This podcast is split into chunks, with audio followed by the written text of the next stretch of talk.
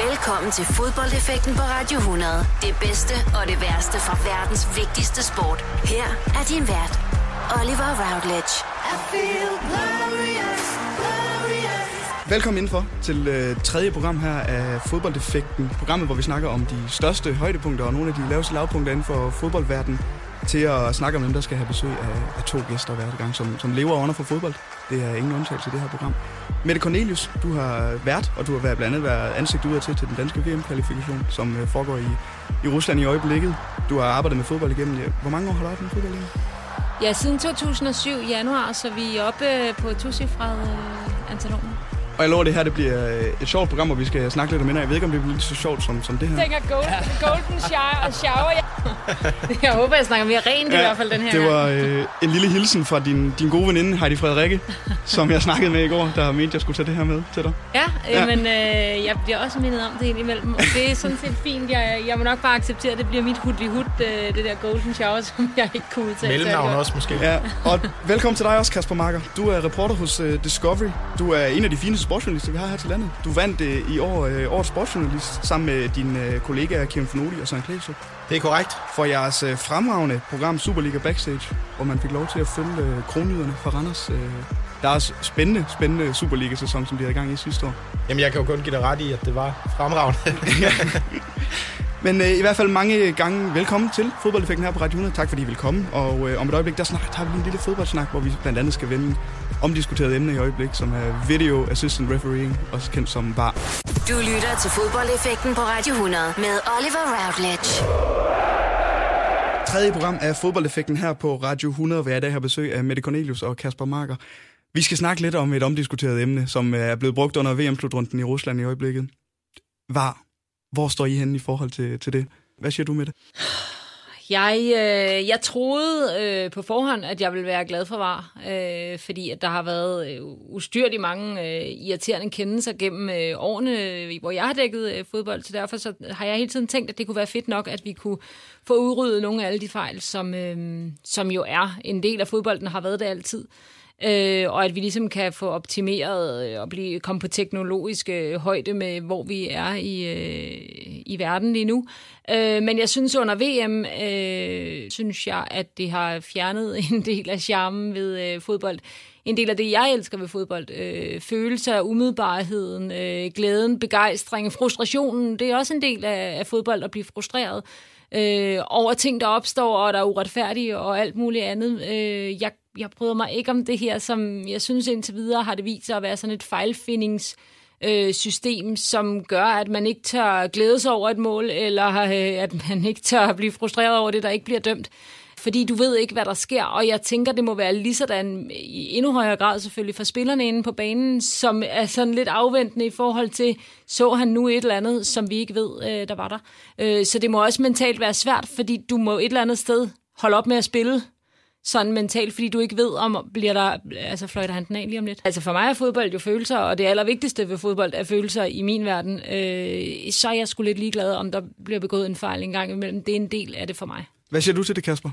Jamen, øh, jeg tænkte øh, på forhånd, at jeg ville være glad for det, og jeg synes egentlig også generelt, at jeg er glad for det, og det, jeg kan sagtens føle uh, Mettes pointer her. Det er, det er lidt noget råd, det her med, at man sådan lidt øh, render rundt og tænker, hvad sker der næste gang, og hvornår stopper spillet, og jamen skal der kigges på den her kendelse og sådan noget. Ikke? Så det, altså, der er nogle øh, problemer, men jeg synes generelt, at det er godt, at vi får fjernet de her helt kampafgørende forkerte beslutninger, som, som dommerne, fordi de her mennesker kommer til at, til at træffe, at de, øh, de bliver minimeret, og dermed at vi får et øh, mere retfærdigt spil. Det synes jeg jo egentlig er rigtig godt.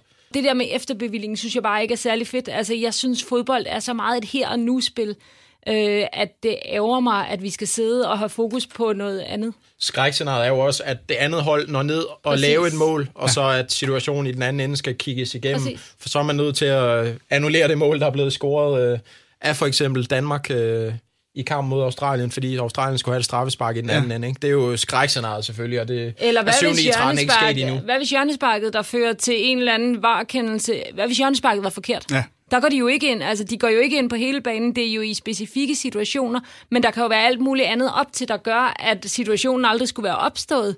Øh, så der er bare så mange ting i det, som...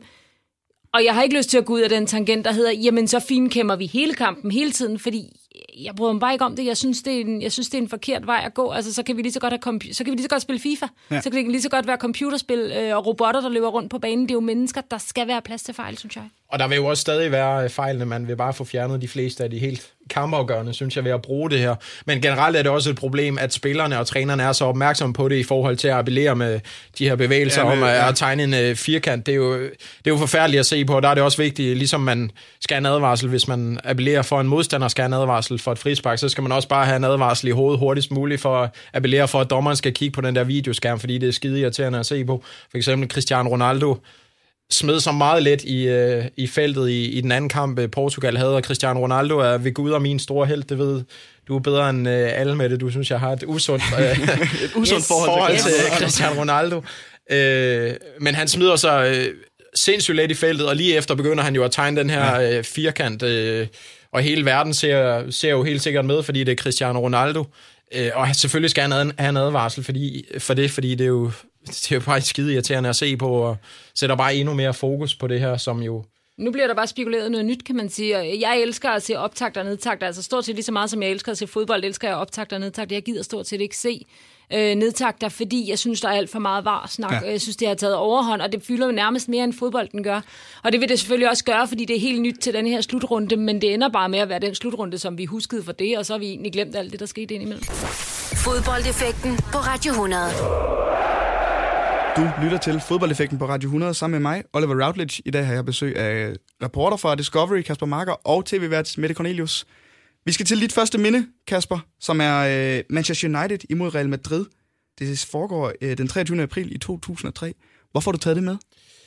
Jeg har primært taget den her kamp med på grund af brasilianske Ronaldo, som spillede for Real Madrid på det her tidspunkt. Jeg er faktisk Manchester United-fan, og Manchester United bliver slået ud af Champions League øh, i den her kamp af Real Madrid. Det var en Champions League kvartfinale. Finalen det her år var faktisk på Old Trafford, så det var en stor sæson for Manchester United i, i Champions League. Øh, tænk, hvis man kunne gå øh, hele vejen til finalen på hjemmebane. Det kunne de så ikke, og blev slået ud i den her kamp, men brasiliansk Ronaldo, han laver hat-trick øh, for Real Madrid og bliver skiftet ud øh, med cirka 20 minutter igen, og han bliver klappet fra banen af Old Trafford.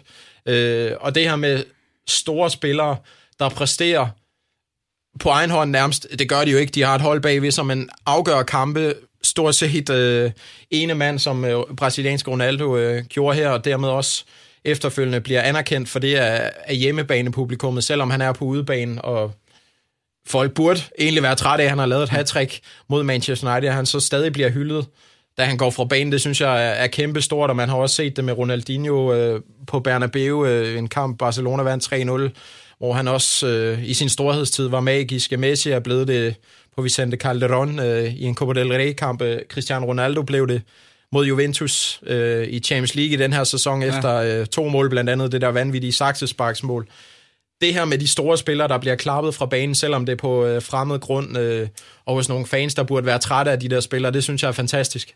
Lad os lige prøve at høre lidt til målene, og øh, ja, vi har også taget klippet med, hvor Ronaldo bliver klappet fra banen. Ronaldo shot! Heartbreaker! And Ruud van Nistelrooy! That's one of them! It's Ronaldo! They're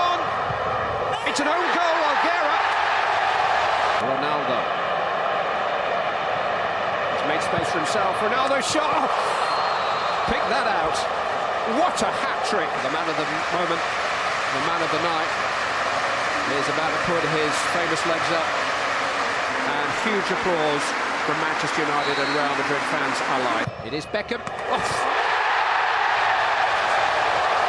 It's a marvellous free kick. Here is Ruud van Nistelrooy. He's got away from Elguera. Oh, it's come off the arrow. Beckham Manchester United are in front on the night. De vinder kampen 4-3 United, som du selv siger, bliver slået ud af, af Real Madrid, og tre mål af, af Ronaldo, den rigtige Ronaldo, eller hvad man skal sige. Ja, så, så derudover er det jo så også øh, en kamp med, med en masse mål, men også et hav af chancer, særligt til, til Manchester United, som jagtede det store comeback efter at have tabt 3-1 på udebane i, i den første kamp. Det var en kamp med tonsvis af stjerner, Ferdinand van Nistelrooy, Giggs, Keane, øh, Roberto Carlos, Zidane, Figo, øh, Ronaldo, øh, Alex Ferguson og Vicente Del Bosque ja. som de to trænere. Og så samtidig hører vi også lige her, David Beckham laver to mål i den her kamp. David Beckham var sat af til den her kamp, selvom han selvfølgelig var en kæmpe stjerne på det her tidspunkt. Det var lige den der periode, hvor det begyndte at køre, altså kører sporet i forholdet mellem øh, og Alex Ferguson. Øh, bliver skiftet ind i anden halvleg og kommer så ind og scorer de to sidste mål, øh, som gør, at United trods alt ender med at vinde den her kamp, øh, men stadig ikke går videre samlet. Men det var også en kæmpe historie, at David Beckham blev sat af, kommer ind og, og scorer to mål i løbet af kampen. Hvis vi lige hopper tilbage til kampens anden stjerne, øh, som var den gamle Ronaldo. Hvad husker du så ham for som fodboldspiller med det? Øhm, jeg husker ham som, øh, som, også, som han også er her, en mand, der kunne øh, gøre den store forskel for, øh, for sit hold alene, som den, øh, som den senere Ronaldo, som jeg er mindst, mindre begejstret for, også kan. Øh, så der er et eller andet, der ligger et eller andet i det der, i det der navn. Øh, jeg husker ham fra, ja, jeg husker ham fra hans tid i øh, spansk fodbold. Øh, jeg var, jeg tror faktisk ikke, jeg selv var så øh, helt vild med ham. Bliver du ikke kunne lide Real Madrid, eller fordi du bare som ham som spiller? Nej, jeg havde ikke noget imod ham som spiller. Det er ham, det er ham der er nu. jeg så godt kan lide. Øh, jeg, jeg har nok i virkeligheden ikke været så glad for Real Madrid. Øh, det har jeg faktisk aldrig sådan rigtig været i år. Laudrup, da Laudrup var der selvfølgelig, øh, men det var mest Laudrup, jeg var glad for. Øh, jeg sidder mere, da jeg hører den her lydbid, synes jeg, jeg er mere beg, øh, fat i, hvor meget jeg savner Beckham. Ja. Øh, og hvor meget han kunne gøre for sit hold, fordi han, det var jo det samme. Altså, du vidste aldrig, om en kamp var, øh, hvad en kamp ville ende. Hvis Beckham han var på banen, så kunne der ske hvad som helst. Ja, og netop to måneder efter den her kamp skifter han så til Real Madrid. Øh, det kunne ikke blive ved med at gå med ham og Ferguson. Ferguson havde på det her tidspunkt sparket en støvle i hovedet på David Beckham øh, tilbage i februar måned og sådan noget. Der var, der var ballade. Fodboldeffekten på Radio 100. De største og de værste øjeblikke i fodboldhistorien. Mine gæster i dag, det er tv-vært Mette Cornelius og reporter Kasper Marker. Vi snakker om Manchester United imod Real Madrid, Champions League kvartfinale i 2003. Og når man har øh, United i den her periode i starten nullerne, og ja, også senere hen, og i, det startede vel i 90'erne med Sir Alex Ferguson. Vi nåede lige kort at vende, at han havde sparket en støvle i hovedet på David Beckham. Men Kasper, du er jo Manchester United-fan. Er han den største træner, der nogensinde har været? Det synes jeg jo. Ja, det gør du.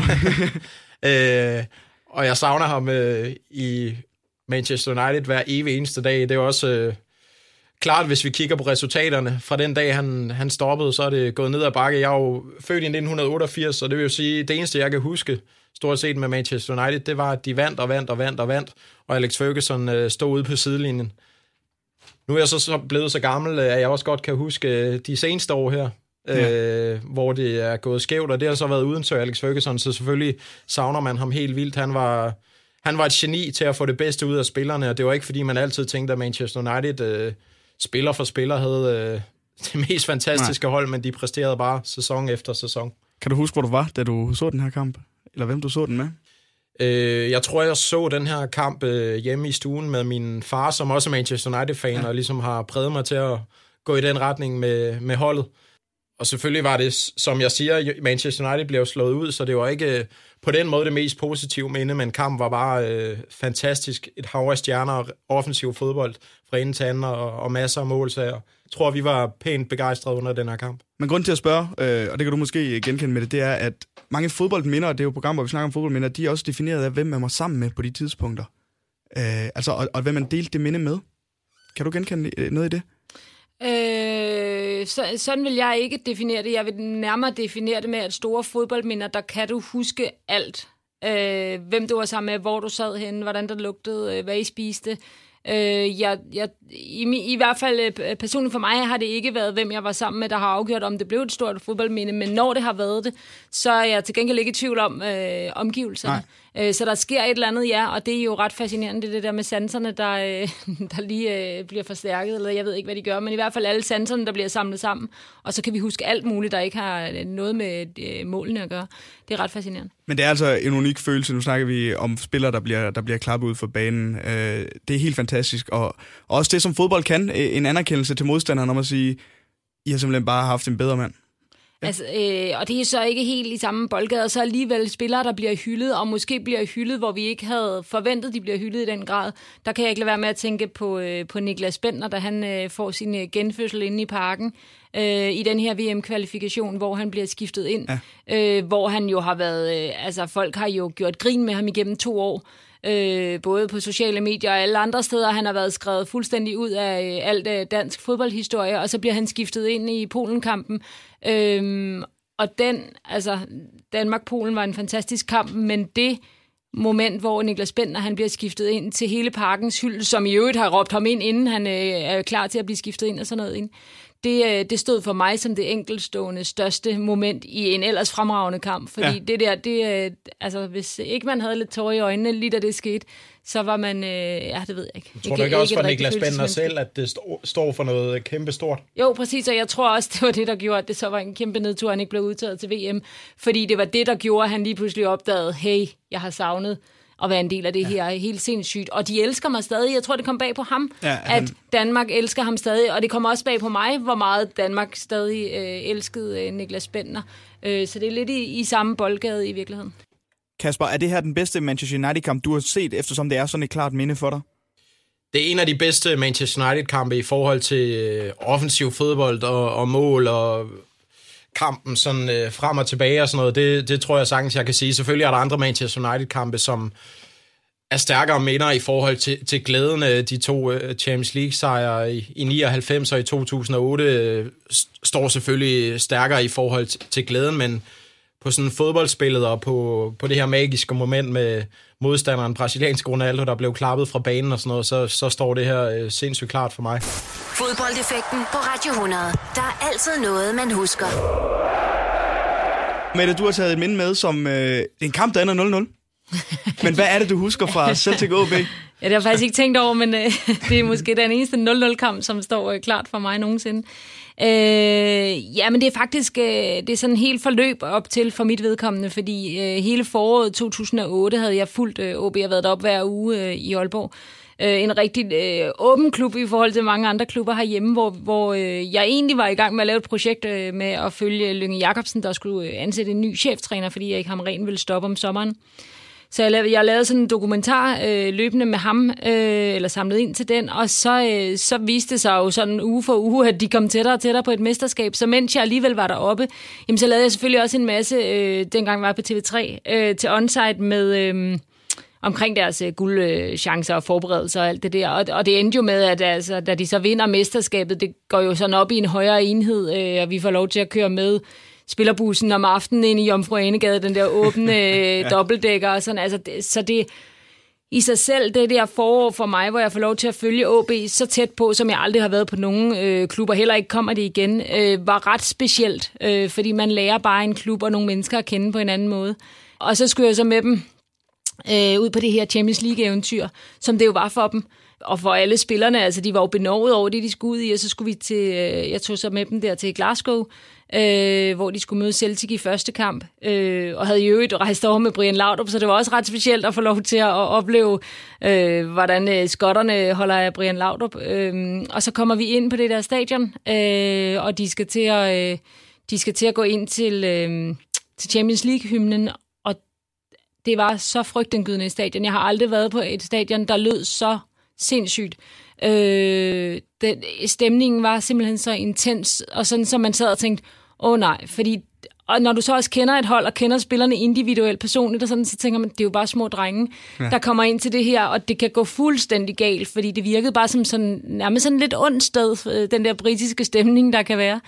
Øhm, og så kommer de ind og gør det øh, overraskende godt øh, for et enkelt point ud af det, øh, selvom de ender med øh, kampen i undertal. Øh, Karim Sasa, han står i en kamp, øh, nok sit livskamp, vil jeg tro, øh, på et niveau i hvert fald, som man ikke lige havde set øh, ham øh, hive op af hatten. Øhm, og holder dem inde i øh, opgøret hele vejen igennem, trods øh, store forsøg for Celtic, og, og øh, ender også med at komme på øh, ugens hold øh, på UEFA.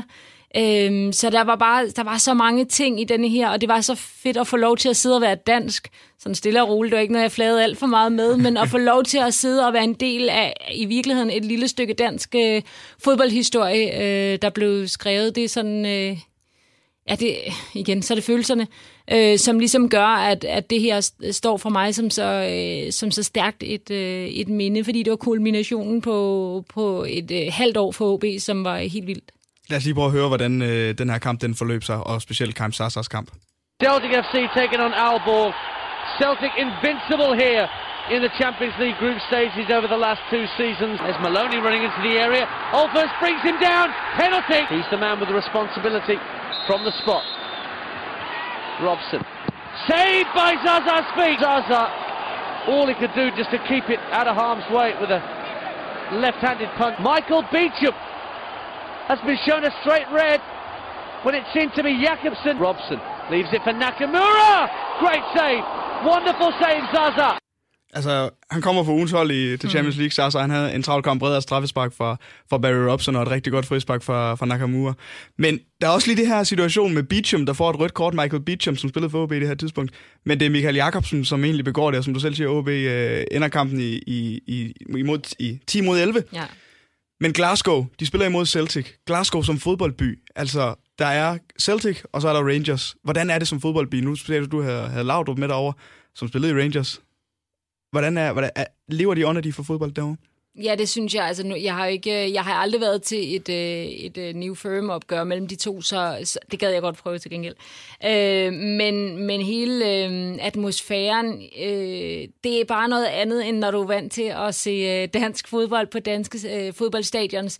Øh, fordi det her, det er liv eller død øh, for skotterne. Øh, Øh, selvfølgelig særligt, når de har deres øh, interne opgør, men, men også Champions League især. Jeg tror også, han lige får sagt det i den lydbyd, vi hører, at de har været usynlige øh, de seneste sæsoner i, øh, i Champions League, så de havde også noget, de skulle bevise, og det var et lille upåagtet dansk hold, de aldrig havde hørt om, øh, som øh, stort set aldrig havde øh, spillet europæiske turneringer, ikke, som kommer, øh, så de havde nok også på forhånd øh, forventet, at denne her skulle de nok tage. De skulle nok få en god start i Champions League. De var nok ikke utilfredse med, øh, med hvordan øh, gruppespillet ligesom havde udformet sig.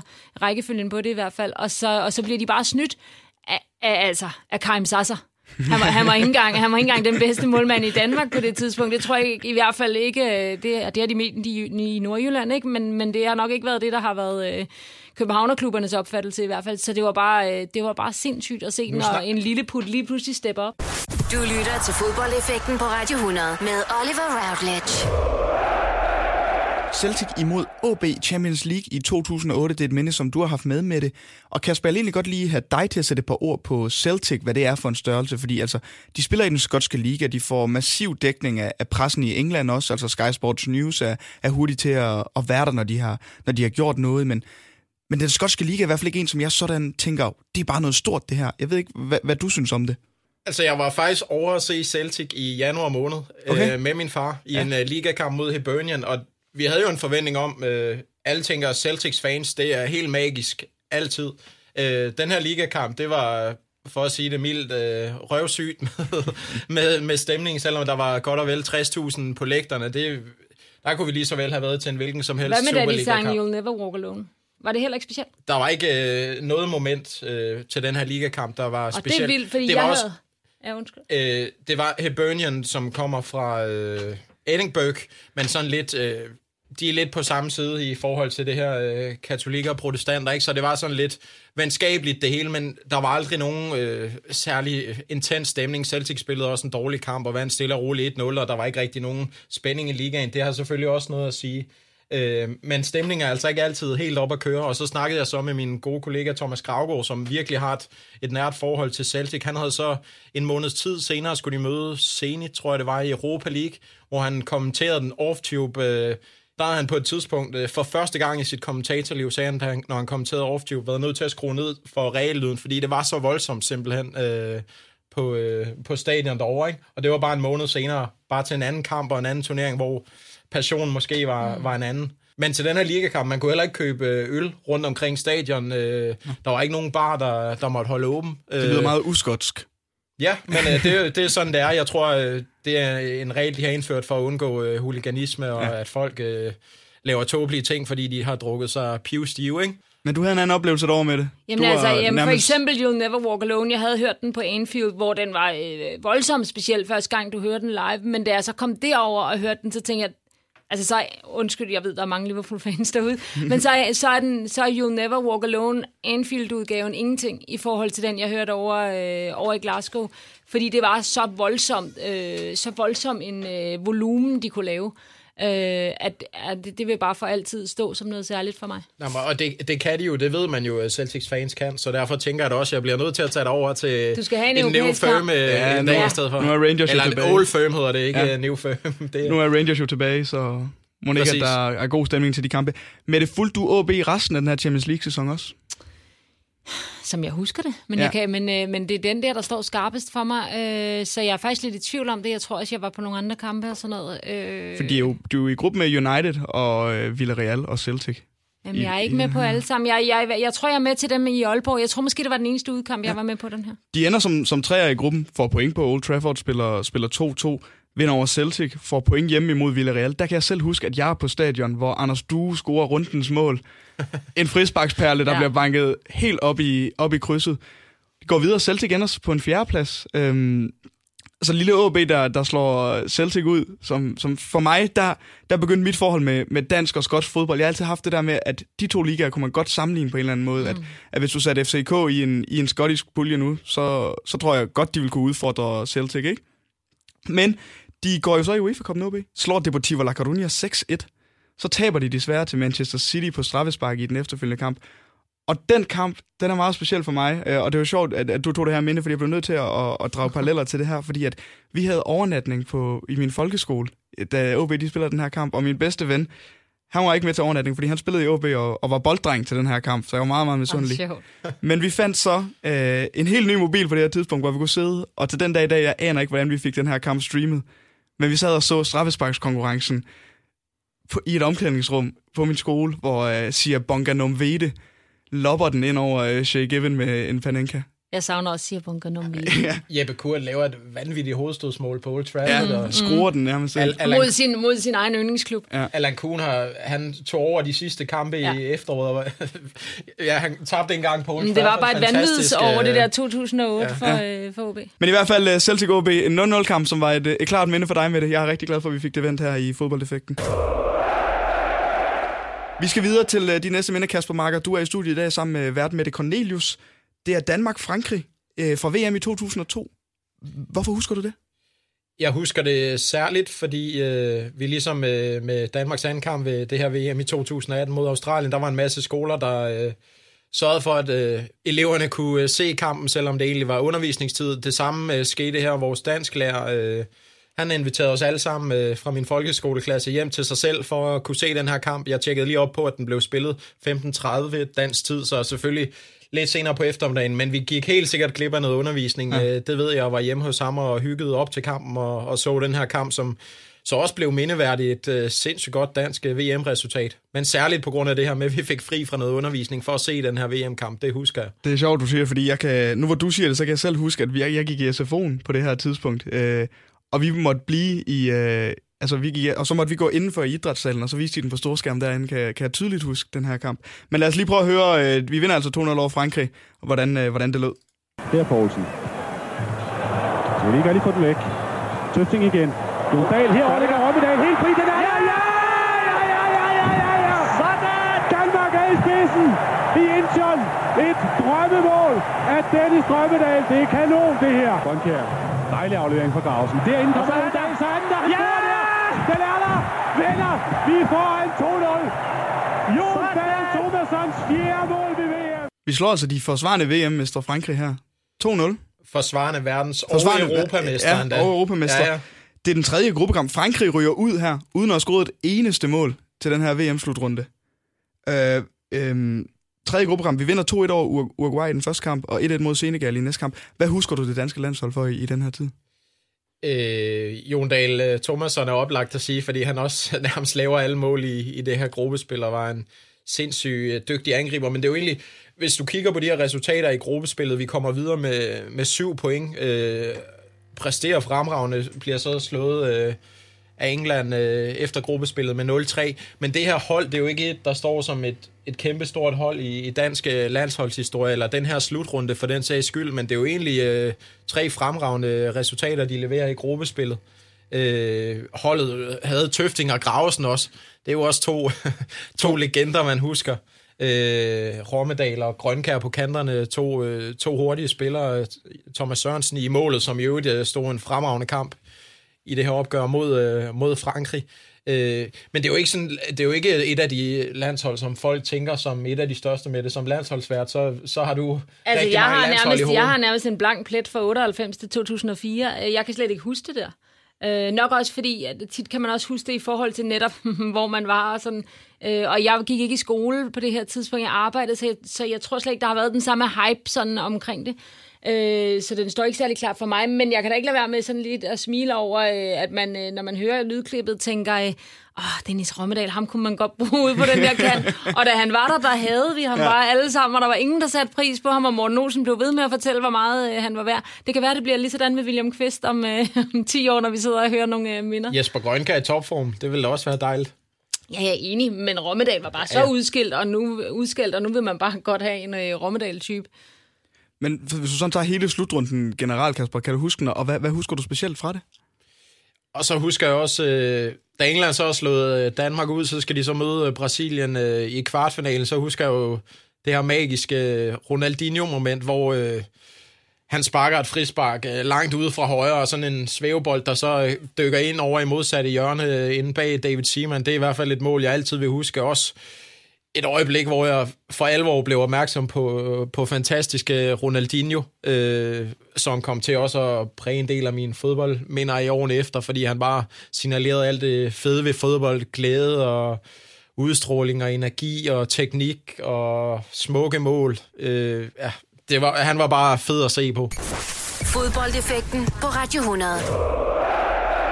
I dag har jeg besøg af Kasper Marker og Mette Cornelius fra Discovery. Og Mette, du har jo været vært på, og billedet ud af til på Danmarks øh, VM-slutrunde, hvor du har ja, stået nede på sidelinjen sammen med ja, Flemming Poulsen og Lars Jakobsen til, til Danmarks øh, kvalifikationskampe. Og vi snakker i øjeblikket om Danmark imod Frankrig VM 2002. Nu har vi jo desværre røget ud på straffesparkskonkurrence til Kroatien i, i dette års VM, men der var sådan en samling omkring det danske landshold til dette års VM, som, som jeg ikke har set før. Hvad tror du, der, det er ved en slutrunde, der sådan kan, kan samle en, en nation som Danmark, som, som jeg ikke følte, jeg har oplevet før i hvert fald? Øh, ja, der er, der er jo en forskel på, om vi har vores eget hold med eller ej. Øh, ja. Fordi det kan man da godt mærke, synes jeg, denne her gang, at, at det har jo givet ekstra dimensioner. Jeg har også glædet mig til, jeg glæder mig også til at skulle se EM i Frankrig for to år siden øh, og VM to år før det, men det er bare noget andet nu, hvor vi har Danmark med, fordi det er den, hvor du er nede i, i øh, supermarkedet, både øh, på dagen øh, for landskampen og dagen efter øh, snakker fodbold ind over køledisken med folk, du ikke kender. Altså det her med, at vi begynder at åbne os øh, og, og tale med mennesker, vi ikke vil tale med ellers, fordi at vi lige pludselig alle sammen har en, en fælles, hvad skal man sige, et fælles mål og et fælles øh, referencepunkt og, og nogen, som som vi holder med, og som vi har en masse følelser for. Altså, det gør, det gør noget godt ved et, øh, ved et land, øh, og ved vores fællesskabsfølelse måske, så efter de danske, hvordan Danmark har haft det sådan øh, internt de senere år, så, så er det godt for os at have et øh, landshold med til VM, som vi kan samles om, så er det næsten lige meget, om vi skælder ud på dem, eller om vi gør det modsatte. Men der var altså rigtig mange fede typer på det her landshold. Du, du nævnte nogle af dem, øh, Graversen og, og Tøfting Midtband, Jon Dahl, Rommedal, Thomas Sørensen, Helve. Altså, jeg synes, vi har et rigtig godt landshold nu, men bare navnene på det her, det bliver selvfølgelig også, når, når det nuværende landshold bliver færdigt, bliver de jo selvfølgelig når man tænker tilbage på det lige så stort. Men det her, det synes jeg godt nok var et fedt landshold. Og så var det jo Morten Olsens øh, første slutrunde. Morten Olsen, som jo kommer til at, at stå som en af de største danske landstrænere nogensinde, hvis ikke den største, selvom der var en del kritik af ham til sidst. Øh, så det er jo også for alvor den her slutrunde, der sætter gang i, i Morten Olsens ære. Ja. Øh, og han laver øh, øh nogle taktiske øh, rokeringer op til den her kamp. Øh, tjekket op på, at han går over til nærmest at spille sådan en utraditionel for ham øh, 4-5-1 i den her kamp. Flytter en øh, helt ung Christian Poulsen ind på den centrale midtbane og smider en Jan Heinze ud på bænken og giver unge Niklas Jensen chancen på venstre bak også. Så i den her kamp øh, giver han også nogle, nogle unge og uprøvede chancen, og det går jo så øh, rigtig godt, må man sige. Det er, øh, den her er den første slutrunde, jeg, jeg sådan, sådan husker. Jeg var for ung til, til 98 og, og VM-slutrunde, der husker det, men det her er den første. Og noget af det, jeg husker den allerbedst for, det er Ronaldos frisyr. Kan I huske den? Ja. Skaldet Tre, og så med månen. Øh, Ej, den var frygtelig, den der foran. Men vi venter ham lidt tidligere i programmet. Han ender altså med at score de to mål for Brasilien, der gør, at de bliver verdensmester her i, i 2002. Nogen, der også gør det rigtig godt, det er den ene af de to værtsnationer, Sydkorea de kommer og får en fjerdeplads øh, til det her VM. Meget, meget overraskende, synes jeg. Ikke nogen, man har set noget til efterfølgende som sådan. Det var nok ikke gået sådan med øh, det her øh, omdiskuterede var, for jeg kan du huske, at Sydkorea havde øh, bestemt øh, alle kendelser nærmest øh, med sig i den her slutrunde. Det var, det var voldsomt. Blandt andet en øh, kamp mod Italien, hvor det, det stikker helt af med, med fordele til Sydkorea. Øh, så de havde også de havde held. Det havde de. Noget, der måske heller ikke var gået, var Jon Dahls mål til 2-0 imod Frankrig. Det var også blevet annulleret. Han hiver øh, Desailly kraftigt i trøjen, øh, så han lige pludselig står fuldstændig blank øh, foran Barthez, og så er den klassiske inderside øh, ind i nettet til Men du vil alligevel stadig gerne have var. Jeg vil gerne have var. Ja. Så havde vi jo vi havde stadig vundet 1-0, det havde vi også levet med. Måske, måske havde ingen af dine minder nogensinde været minder, hvis vi havde haft en var. Det er rigtigt. Fodboldeffekten på Radio 100. De største og de værste øjeblikke i fodboldhistorien. Mette, vi skal til dit øh, andet minde, som du har taget med i dag. Vi skal snakke om Flemming Poulsen, som øh, for dig er en, øh, et, et mindeværdig spiller. Jamen altså, jeg vil sige, EM92 var der, hvor jeg sådan fodboldmæssigt fik min åbenbaring. Jeg har altid øh, været trukket med i Roskilde Idrætspark af min øh, familie gennem hele min barndom, så det er ikke, fordi jeg ikke kendte til fodbold, men jeg forstod ikke rigtigt, tror jeg, hvad det var, de så i det, og hvorfor de sad og så alle de kampe øh, foran øh, fodbold, øh, eller foran fjernsynsskærmen. Øh, fordi min familie har virkelig altid været en fodboldfamilie, men det, men det var i 92, at jeg fik åbenbaring og fattede, hvad, hvad det hele gik ud på. Nok også fordi, at vi havde øh, medvind, og, og vi vandt EM, og, og sikkert også fordi, der var så mange følelser, og den her eventyrhistorie i det, det gør også noget for mig, når, når hvad skal man sige, fortællingen er øh, ekstraordinær. Øh, men Flemming Poulsen, øh, altså udover at han selvfølgelig øh, fik ram på, på mig følelsesmæssigt med bare at græde sig gennem, øh, gennem guldceremonien øh, op i, øh, i øh, Göteborg, så... Øh, så kunne jeg rigtig godt lide den mentalitet, han havde øh, som ja. fodboldspiller. Altså, han var en fighter af Guds nåde. Han sled, og han kæmpede, og det var sgu øh, sjældent rigtig øh, lækker fodbold, eller, eller hvad skal man sige. Det var jo ikke lavdrupsk, det han lavede, men han, øh, men han gav aldrig op. Øh, han havde bare sådan en, øh, en fed mentalitet, som, som jeg sætter øh, meget mere pris på, end, øh, end jeg gør på sådan nogle Ronaldo-typer. øhm, så, øh, så, så han vandt øh, mit hjerte, både med sin måde at spille, spille fodbold på, øh, måske også måden han tykkede sit sorbet med på, og så øh, vi bare tude og tude og tude, da de havde øh, vundet finalen. Og Flemming Poulsen var ligesom personificeringen, så i årene efter, Øh, der havde jeg sådan en lille værelse, hvor jeg, øh, vi boede sådan op i øh, Roskilde i byen, hvor vi boede i sådan en stor lejlighed. Øh, med mit værelse var så en eller anden grund lillet, og så nedenunder var der en kiosk, øh, hvor øh, de jo havde de solgt BT og Ekstrablad, så de havde de der spisesedler hver dag, og Flemming Poulsen var en eller anden grund relativt tit på øh, de her spisesedler, så hver gang han havde været på, så øh, når kiosken lukkede, så gik jeg ned, og så fik jeg de der spisesedler, og så tapisserede jeg mit værelse med dem, så der var lille baggrund, og så var der hvide eller gule avissider rundt omkring. Det, det var ikke flot, øh, kan jeg godt se. Flemming Poulsen fangirl. Ja, det må, det må man nok sige. Han spiller 62 landskampe, scorer 21 mål. Og så er der den her øh, kamp i april 1993, hvor han spiller imod sin tidligere klub FC Kølen. Han starter i AGF, rykker til Castilla, som er FCK's... Øh, ja, som er Real Madrids anden hold. ja, det kan også være fedt for FCK, det Bliver så efterfølgende solgt til øh, FC Kølen, derefter til Eindhoven, og så til sidst til Dortmund. Og så spiller han den her kamp i 93 imod FC Kølen, hvor han river sit korsbånd over og bliver skadet i, i godt og vel et halvt år. Så et år senere, øh, efter sit comeback i september 94, spiller han en pokalkamp imod Kaiserslautern. Der sker det så igen i det andet knæ. Øhm, han kom kort tilbage et halvt år senere, og fik sit comeback imod Eintracht Frankfurt. Vandt liga med Dortmund i det år, men han måtte så gå tidligt på pension. Og han satte lige lidt ord på, og det, jeg kan lige så godt sige, da, da jeg fandt det her klip øh, i går, der, der, der sad jeg og fik en lille klump i halsen, hvad han gerne vil huskes for som, som fodboldspiller Flemming Poulsen. Jeg kommer klar. Jeg vil gerne huskes for, for, uh, huskes for, for mennesket bag fodboldspiller. Uh, det er klart, det hænger sammen, men uh, når man er en god fodboldspiller, så, så kan man godt tillade sig i nogle situationer egentlig at være, være, en, være, være en idiot. Men når det så er slut som fodboldspiller, så er det så kun idioten tilbage, og, og det vil jeg helst ikke huske som. Jeg huskes også som en fodboldspiller, som, som øh, forblev menneske og ikke udnyttede sin popularitet på nogen måde, og, og var tilgængelig for, for hver mand. Det var fint. Det ja, var fint. Han sætter rigtig flot ord på det, Flemming Poulsen. Synes mm. du, han bliver husket som, som mere end en fodboldspiller? Ja, det synes jeg, fordi ellers så var han jo øh, med, sin, øh, med sit farvel til fodbolden også på en eller anden måde død ud. Selvfølgelig udødelig gjorde han sig i 92, men han har jo formået... Han er jo stadig en, der, øh, det kan vi jo se, når vi har ham på kanalen, altså der, der appellerer til hele familien Danmark. Du lytter til fodboldeffekten på Radio 100 sammen med Oliver Routledge og mine gæster i dag, Mette Cornelius og Kasper Marker. Og om et øjeblik, der skal vi snakke meget mere om Flemming. Fodboldeffekten på Radio 100. Der er altid noget, man husker. Mette Cornelius, hvad var det, Flemming Poulsen han gav os?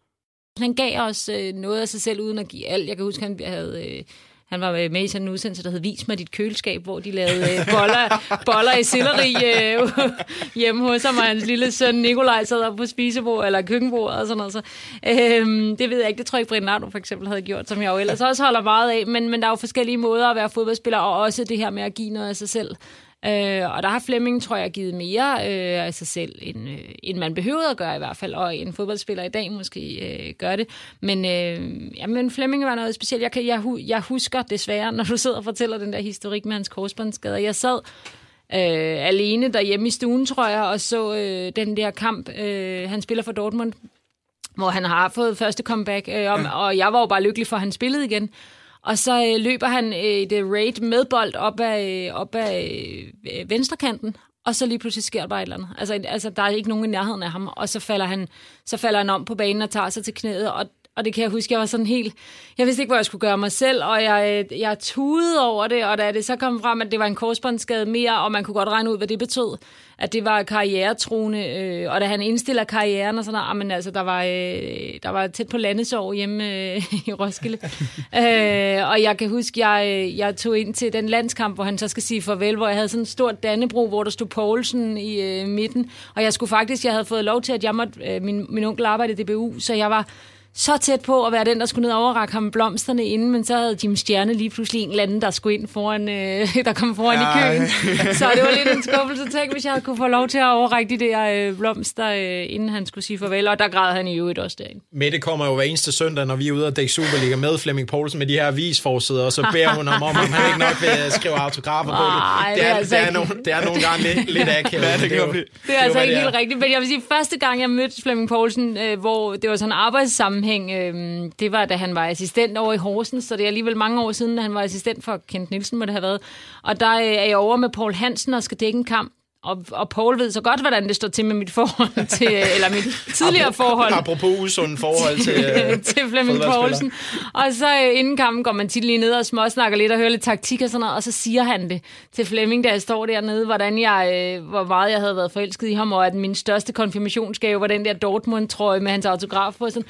Jeg fik så røde kinder, og jeg kunne næsten ikke koncentrere mig resten af dagen. Det var, det var frygteligt, også bare fordi Flemming han kunne godt lide det, kunne man se. Han er jo stadigvæk den dag i dag et, et, en klubikon, en legende i Dortmund. Og det var ikke fordi, altså han, han scorede vanvittigt mange mål. Nu skal jeg se her, han havde fem sæsoner, der scorede 20 mål på 116 kampe. Men jeg tror, det er det, som du snakker om med hans, hans løbevillighed og hans, han, han kæmpede for hver en bold og, og kæmpede for hele holdet. Altså, han havde den sindssygste måltørke. Ja. Han havde jo et, nærmest et halvt år, hvor han ikke scorede et mål, men han fik rigtig meget spilletid, fordi han var sådan en, man alligevel vidste ville gå ind og gøre i hvert fald alt, hvad han kunne for at score det der mål, men det sled på både ham og mig, at han ikke scorede så lang tid. Da, han vil sige, at det var modspillernes, eller hvad er det, medspillernes skyld, at han ikke ja, ja, fik, scoret, øh, fik scoret flere mål. Han virker i hvert fald som en utrolig sympatisk mand, Flemming Poulsen, og øh, bliver sådan desværre nødt til at stoppe sin fodboldkarriere som 28-årig, som det, der er blevet døbt fodboldinvalid. Øh, alt, alt for tidligt. Øh, men en karriere, og, og, og desværre også, også efter jeg... Den slutter alt, alt for tidligt, men, men efter jeg, jeg ser ham i fjernsyn sammen med jer, at stadigvæk virker som, som en mand, man bare respekterer, og bare synes, ved du hvad, du er simpelthen for sej. Og når man det, der så, så sjovt nok også stadig er kendetegnet, det er, at han brænder sindssygt meget. Altså han kan være sindssygt indebrændt, og han kan, øh, hvis han har en sag, eller hvis der er et eller andet, han er sur over, at nogen ikke gør ordentligt. Eller, øh, og, og, så kan man også mærke netop det her med, at han har stoppet sin karriere så tidligt. Altså han kan blive virkelig, virkelig øh, hvad skal man sige, øh, indebrændt, øh, nok ordet igen, øh, over hvis nogen ikke sætter ordentlig pris på det, de har. Eller hvis de ikke forvalter deres talent ordentligt, eller hvis de ikke du ved... Øh, Giver 110 procent ja. på banen. Ja, Men... eller hvis ikke de forstår, hvor privilegerede mm. mennesker de er, fordi han vil have gjort alt for at have 10 år mere. Du lytter til fodboldeffekten på Radio 100 med Oliver Routledge.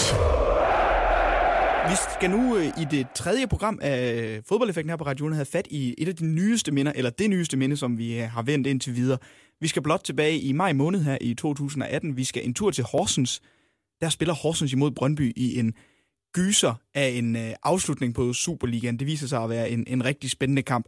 Kasper, du er inde i øh, parken faktisk på det her tidspunkt, fordi tidligere på aftenen har FCK taget imod FC Midtjylland. Hvad er der med, med hele den her seance, som gør, at du husker det? Ja, det er jo en del af, af det her med øh, FC København og FC Midtjylland inde i parken også, som spiller øh, klokken 18. Øh, FC Midtjylland vinder kampen 2-0. Brøndby skal så øh, til Horsens øh, kampstart klokken 20 øh, og fører øh, i slutningen af, af første halvleg bringer de så foran 1-0 og, og 2-0, og det hele ser, ser godt ud, hvis Brøndby vinder den her kamp. Så, øh, så har de fordelen inden sidste spilrunde og kan selv øh, afgøre mesterskabet. Så øh, scorer Kjartan Finn Bogason et mål i 89. 20. minut, og så tjekkede jeg lige uret øh, i går på en YouTube-video, da klokken slår 95-13, der er kun lagt 5 minutter til egentlig, der øh, scorer han så til 2-2 øh, Finn Bogerson og sender alle fordelene over til FC Midtjylland. Lad os lige prøve at høre, hvordan det udspillede sig i Horsens. Rykker. Et godt skud, og Brøndby er i front her. Et brag af et langt Her kommer Vilcek. 2-0. Et gyldent minut for mesterskabsfavoritterne, for det er de nu fra Brøndby. Bliver det. Sparker flat. Det er godt sparket. Og så er der altså liv i den her kamp igen. Finn Bukarsson! Guldet, der ryger her? For Brøndby er det guldet, der havner i FC Midtjylland. Sensationelt det her! 2-2 som du selv siger, to øh, udlignende mål af Kjartan Finn Bogason. I, var, øh, I, I havde selv arbejdet inden, så, så det var ikke meget i noget at se af kampen, men er det, er det simpelthen bare opbygning til afslutningen af Superligaen, som er grunden til, at vi skal, vi skal snakke om det her? Altså, jeg tænkte, vi skulle have et eller andet Superliga-minde med, og der har været øh, rigtig mange mindeværdige øh, ting. Øh, her følges mesterskab, FC Nordsjællands mesterskab, Hjalte Bo, der stjæler et mesterskab. Øh, OB's mesterskab. På Brøndby Stadion, Mads Jørgensen, der stjæler lidt for Brøndby ind i parken, øh, også der omkring, og sådan, der er masser af... Øh, mindeværdige øjeblikke, men jeg tror bare, at det her, selvom det er så ungt og friskt, så er det et minde, jeg vil mindes øh, resten af mit liv. Det var fuldstændig vanvittigt øh, at komme hjem og nå at tænde for fjernsynet og se det her øh, sidste moment. Jeg kan også afsløre, at der var øh, godt gang i vores øh, mobiltelefoner, fordi vi var jo blevet spredt for alle vinde der en time før. Da de, da de har spillet første halvleg, der øh, slutter vi vores øh, nedtagsudsendelse har lige en debrief på 10 minutter, går hver til sit.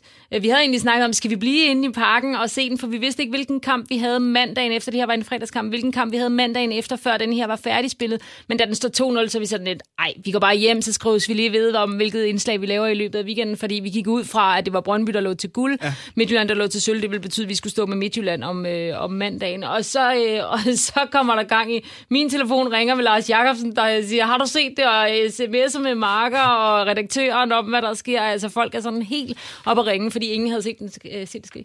Jeg var ude hos øh, nogle Brøndby-fans øh, et par dage efter for, for at snakke med dem om, om den her oplevelse til et indslag. Tre ud af de fire, jeg, jeg snakkede med, fortalte jo om, hvordan de, de simpelthen græd. den ene havde set kampen hjemme i stuen. Tårne var bare begyndt at trille ned af kinderne. Han var nødt til at rejse og var gået hen og taget sine sko og bare gået ud af døren, selvom han havde små børn, som havde tænkt, hvad er det, der, der sker med far. En anden havde stået på stadion med sine venner. De havde bare forladt ham, da, da Horsens udligner. Han var blevet stående i 20 minutter, vidste ikke, øh, hvad han skulle gøre sig selv var gået ned og sagt øh, tak til Brøndbys fankoordinator, og da han så kom ud af stadion, så begyndte han også bare øh, at græde, fordi det var, det var for meget. Altså det er jo noget, der i virkeligheden vil sætte sig i de her Brøndby-spillere og i Brøndby-kulturen øh, i mange år frem, tror jeg. Øh, det er et sår, som de skal prøve at få helet så hurtigt som overhovedet muligt, for ellers så kan det blive sådan en ny øh, fortælling om, om deres øh, lidelseshistorie, som efterhånden er lang. Og den, den eneste måde, de kan gøre det på, det er jo øh, at vinde øh, mesterskabet det skal de jo. i den kommende sæson, for ellers begynder de spillere, som har været med til at opleve det her, jo også langsomt at forsvinde fra Brøndby. Christian og, og Nørgaard tager nok troen. ikke mere end næste sæson med, han i Mukhtar for den sags skyld og sådan noget. Ikke? De, har, de har den her sæson til at, at slå tilbage. Fodboldeffekten på Radio 100. Horsens imod Brøndby 18. maj 2018. Den ender 2-2. Brøndbys afslutning på Superligaen er, ja, for at sige det, i forhold til resten af deres sæson, øh, virkelig dårlig. Mener I, at Brøndby simpelthen bare får gummiben her til sidst, eller var det bare et hårdt kæmpende Horsens-hold, som, som de tabte til? Jeg synes, det var, jeg synes ikke kun, det var den kamp. Jeg synes, det var ja. gummiben i de sidste kampe. I virkeligheden, der begyndte at ske noget fra pokalfinalen øh, mod Silkeborg. Der, vil, der havde jeg regnet med, at altså, de ville, øh, der, Silkeborg ikke havde en chance. Øh, de taber også Silkeborg og Brøndby vinder, men det er ikke på en særlig pæn måde, og man tænker, de begynder at mangle kræfter. Det ligner et hold, Brøndby-hold, der begynder at mangle kræfter, og derefter taber de jo faktisk point i resten af deres kampe. Øh, så der sker et eller andet med dem til sidst. Om det så er gummiben, eller i hvor høj grad det er gummiben, i hvor høj grad det er det fysiske slid, fordi øh, Sorniger har, jo brugt, Sorniger har jo brugt de samme spillere øh, konstant gennem sæsonen. Jeg tror, han har brugt 16 eller 17 forskellige kun i startopstillingen. Det var helt uhørt. Øh, så om det er det ene eller det andet, det ved jeg ikke, men der sker i hvert fald noget de sidste fem kampe.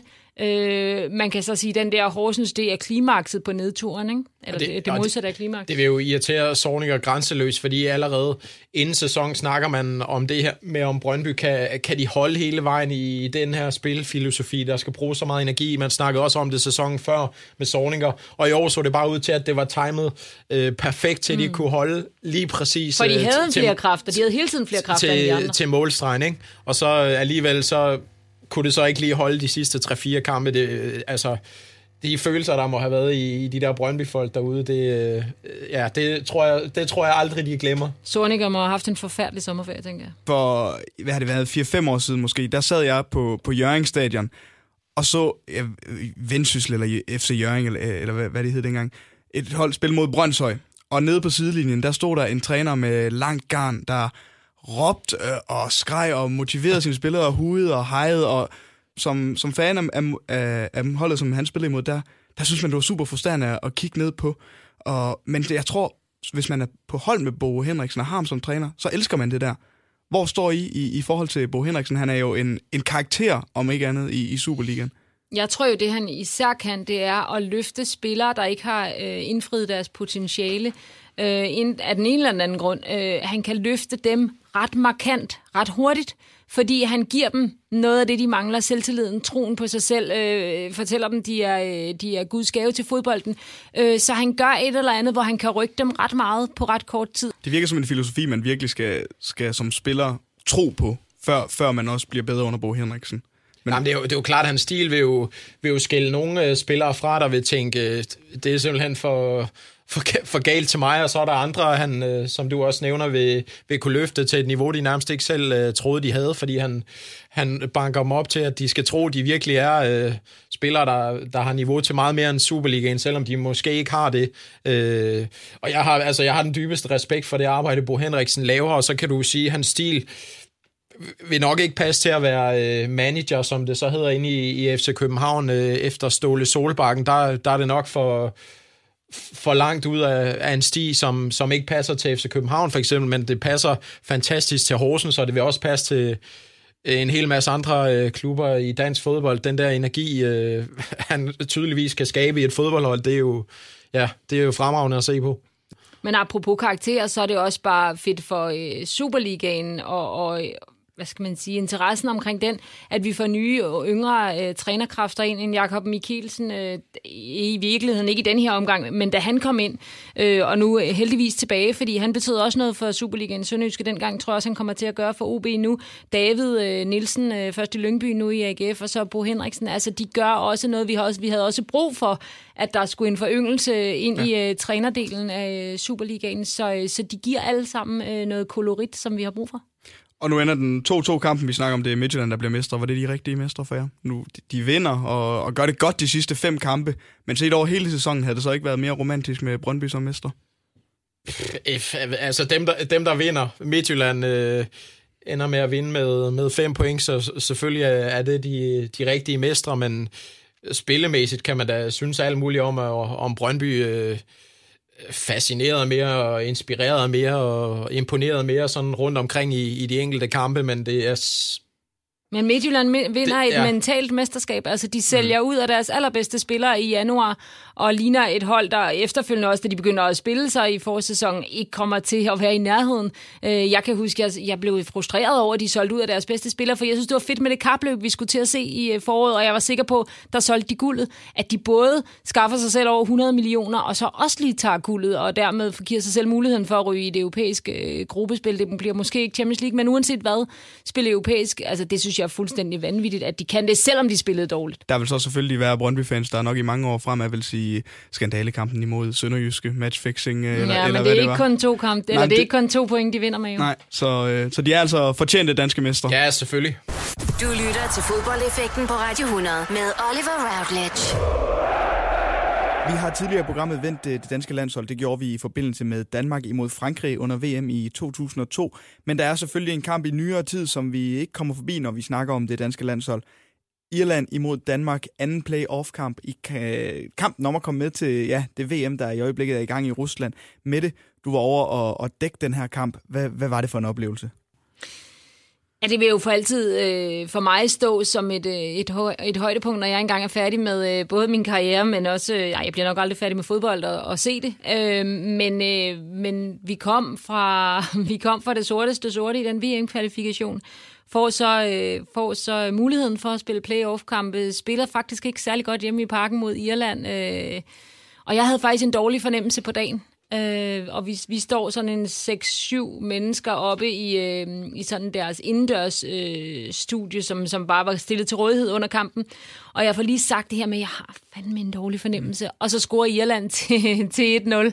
Og så det var sådan, åh, det var lige den... Ja, det var sådan, jeg havde en fornemmelse af, at det skulle gå den aften, at det ikke skulle øh, gå Danmarks vej. Og så, øh, og så kommer vi ligesom som trold ud af en æske, øh, apropos de der eventyr, som jeg elsker ved fodbold, når, når det enten er underdoggen, der præsterer, eller at, vi, eller at det først er øh, skidt til. Og så, vi, øh, og så vi på en eller anden måde blomstrer op. Øh, ligesom øh, Danmark-Polen-kampen, så det der med at se vores landshold blomstre, øh, det, det gør noget særligt for mig. Vi kom bagud 1-0, men det endte øh, helt anderledes heldigvis. Lad os lige høre. Og så er der scoret! Det der glimrende nede ind i strafbarfeltet. Pioner sidste og så en uh, mulighed, og den er i mål! Ude på kanten, Christian Eriksen går med, Nikolaj Jørgensen går med. Det er Nikolaj Jørgensen videre til Christian Eriksen, sparker første gang, og der er der mål! Jone, der til Eriksen. Eriksen med venstrebenet, og her Christian Eriksen mulighed for træk! Niklas Bender løber til bolden her, og han sætter den højt. Kampen, vi vinder 5-1. Blandt andet Niklas Bentner, som vi, som vi snakkede om før, for at score et mål på straffespark. Hvor han får lov af Christian Han får lov af Christian Eriksen. Og jeg var ikke i tvivl om, han ville score, da han, da han gik op til nej, den her bold. Nej, nej, nej. Det var en og Christian, selv, Erik, tror jeg. og Christian Eriksen scorer altså tre verdensklasse mål. Ja. Man tænker, åh, der kommer årets mål, så kommer årets mål igen, og så kom det tredje også. Det er helt sindssygt. Men det var en kamp, som sikrede os, at vi ikke mistede den tredje slutrunde i træk. Vi gik glip af nu skal se, VM 2014 og EM 2016. Hvad betyder det for et dansk landshold, med traditionerne, som vi har, at vi ikke mister tre slutrunder i tak med det? Øhm, helt vildt meget. Det betyder meget for øh, danskernes selvforståelse, vil jeg våge at påstå. Også for dansk fodbold selvforståelse. Fordi vi har været, øh, vi har spillet en eller anden øh, birolle i, øh, i den store fodboldsammenhæng i alt for mange år. Nå, men vi har jo også nu et landshold øh, med, altså truppen, hvis du kigger på truppen, er den sindssygt stærk. Vi har en Christian Eriksen på toppen af det hele. Vi har øh, Kasper Schmeichel, der har vundet et øh, mesterskab i England, og en dygtig, øh, solid øh, Premier League-målmand. Vi har Andreas Christensen, der er et af de største forsvarstalenter i verden. Vi har Thomas Delaney, der lige er blevet solgt til Dortmund for 150 millioner kroner. Vi har Simon Kjær, der øh, spiller i en stor klub i Spanien, Sevilla. Og, altså, der, der er masser af store spillere, masser... Øh... Og der er ingen grund til, at de ikke skal kunne præstere de næste 5-10 år. Christian Eriksen bliver aldrig mm. skadet. Mm. Han er øh, 26 mm. år, ikke? Altså, hvorfor skulle han ikke kunne spille de næste 10 år? Vi har i virkeligheden muligheden for at tage hul på en ny øh, landsholdsæra, som vi husker den efter... Ja, som, som nogle af os husker den fra 90'erne og, og endnu længere tilbage til 80'erne. Det husker jeg ja. ikke. Nå, men vi har masser af gode spillere på vej også. Christian Nørgaard var ikke engang god nok til at blive valgt blandt de øh, 35. Det synes Åke Harreide i hvert fald ikke. Øh, Mathias Jensen var var, var med fra FC Nordsjælland, kommer til at blive fremtidens stjerne på det der hold, øh, tror jeg, og Mikkel Duelund, øh, Robert Skov, der er alle mulige spændende spillere også øh, længere nede i systemet, som, som fremadrettet kan blive, blive dygtige øh, spillere. Vi har i landsholdstruppen nu også, øh, de fleste gør sig i udlandet i, i nogle af de store ligaer, så det ser jo bare godt ud, og der er masser af spillere for de unge drenge at, at se op til. Vi skal øh. bare have Dolberg til at skinne igen. Ikke? Hvis jo. Dolberg han rammer det, som det lignede for et år eller halvanden siden, siden så har vi også en, en angriber, der kan blive øh, international klasse, måske endda verdensklasse, øh, og så ser det rigtig, rigtig lovende ud. Og de begynder også at give noget af sig selv, øh, noget mere, end, øh, end de har gjort i, i årene forinden. Hvis du følger på de sociale medier, kommer du... Øh, okay tæt på, ja. synes jeg. Øh, nogle af spillerne giver ret meget på deres Instagram-profiler, mm. når de bliver interviewet. Synes jeg også, de begynder at give øh, mere af deres øh, personligheder, mere af nogle af deres øh, personlige fortællinger, mere åbne over for medierne, svarer pænt øh, og godt, synes jeg også, og nogenlunde ærligt øh, efter kampene, og det, altså, det er bare fedt at se på, og med til at skabe en eller anden relation for ja, hver mand hjemme i stuerne til landsholdet. Det kan da være, der ligger et landsholdet backstage og venter. Det vil vi gerne lave. Fodboldeffekten på Radio 100. De største og de værste øjeblikke i fodboldhistorien. Med vi snakker i øjeblikket om dit minde, som er Irland-Danmark tilbage i 2017, play, anden playoff-kamp, som gjorde, at vi kvalificerede os til VM i Rusland, som i øjeblikket er i gang, desværre uden dansk deltagelse længere. Vi røg ud til øh, Kroatien i 8. delsfinalen. Men Irland-Danmark, Kasper, det er en af de største landskampe, øh, der har været de seneste år. Hvor så du den her kamp hen? Irland-Danmark så jeg øh, hjemme i min stue. Jeg tror jeg, jeg har en, øh, en lille søn, så, så han skulle, øh, skulle puttes og sådan noget, og det tror jeg, så min kæreste havde taget mig af, så jeg har ikke et eller andet, øh, en eller anden stor vild fortælling om det. det var, så du fik ikke vækket ham undervejs? Det var, der? Øh, nej, men jeg, jeg, det har jeg nemlig jeg, præsteret med flere kampe. så jeg, jeg tror bare, det var, jeg var bare i min egen øh, glæde hjemme i min ja. egen stue. Det var sådan lidt, det var lidt kedeligt faktisk. Jeg sad på en, øh, en café, på, øh, som hedder Café Langebro, hvor vi, hvor vi var nede og se den. Og den der følelse af, at da Danmark kom bagud 1-0, der var bare, der var godt nok en, øh, en, en, en lav stemning nede. Efter kampen, man vinder 5-1, og så går man lige udenfor, og altså 80% står og snakker om, at vi skal bare til Rusland. Vi skal bare til Rusland mm. og, og se, se landskamp. Du var derovre med det. Hvordan var det efterfølgende, efter den her kamp, og, og dække det? Jamen, det var helt vildt. Altså også fordi, at vi, øh, fordi vi heldigvis står nede i græshøjde, så kunne vi også få, øh, så kunne vi også få øh, hvad skal man sige, stemningen helt ind i studiet, også fordi vi stod helt nede ved øh, de danske fans. Øh, det var nu ikke tilfældigt, men, men vi havde placeret os nede ved de danske ja. fans, og de var, jamen, de var fantastiske. Jeg tror ikke, jeg har... Altså, der er et eller andet med danske fans på udebane. De kan noget helt andet, end Parken kan. Eller i nogle af de andre øh, danske stadions. Øh, fordi der er mange, der kommer bare for, ah, nu kan vi komme ind og se landsholdet. Men dem, der rejser med på udebane, det er altså nogen, der er dedikeret. Så... Øh, så det var en helt særlig stemning, der var, og selvfølgelig fordi vi var kommet til VM, og vi havde vundet 5-1, og øh, Christian Eriksen øh, havde øh, leveret verdensklasse, ikke? og Niklas Bender havde sgu, altså der, det kunne næsten ikke skrives bedre, end, end det blev skrevet, og så, fik, så fik vi også lidt, så fik vi også lidt dråber i håret i studiet. Og sådan. så alt i alt var det en, en aften, som man ikke sådan lige glemmer de første par måneder i hvert fald. Det gyldne bad, lavede du ikke også Fenerbahce-hilsen til de danske fans? Det blev jeg nødt til, fordi der havde både Frank Andersen og ja, Lars Jakobsen været igennem, oh. og, og, og til sidst, og jeg ignorerer faktisk, at de råber mit navn ind til redaktøren i øret og siger til mig, nu bliver du nødt til at vende dig om og øh, reagere på det. Du er jo heldig nok med det til at kunne følge det danske landshold i, i tygt og tyndt. Jeg er meget misundelig. Altså, hvor meget sætter du pris på det arbejde? Jamen, jeg elsker det helt vildt. Altså, jeg kunne ikke, jeg kunne ikke, jeg kunne ikke jeg kan ikke forestille mig, at der findes et job, der vil passe bedre til mig og mine præferencer. Jeg, jeg har elsket øh, landsholdet ja, snart, så længe jeg kan huske. Øh, og landsholdet er for mig noget helt særligt. Øh, så, så jeg, vil ikke, jeg vil ikke bytte det væk for noget. Øh, jeg ser ikke særlig meget international fodbold, fordi det siger mig ikke øh, i nærheden af at sige mig det samme som vores lille, sølle Superliga, som nogen vil gøre den til nogle gange, eller, eller landsholdet, fordi der er følelser, og der er identifikation, der er nærhed. Vi kan snakke med spillerne, vi kan komme tættere på dem, vi kan lære dem at kende. Det kan vi ikke med alle de store stjerner rundt om i Europa og verden.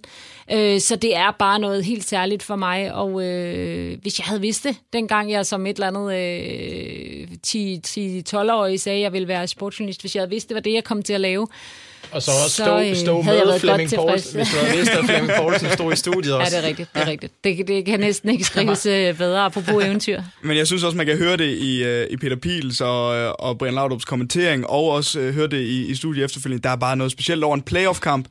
Du skal vinde. Det er knald eller fald over to kampe og så gør man det på udebane 5-1, og jeg synes, man kunne høre det i uh, Lars Jakobsen og Frank Arnesen, som du har i studiet bagefter, hvor meget det også betød for dem. Jamen, det, og så er det fedt at få lov til at dække et hold, som du må holde med, eller som du, som du ikke kan undgå ja. at holde med, ikke? Men, men normalt, så skal vi jo være så objektive og neutrale som overhovedet muligt, og, og det kan vi også godt, for det er, jo, det er jo et arbejde, det er jo professionelt, men her, der kan vi tillade os selv at bare kaste vores følelser ind i det.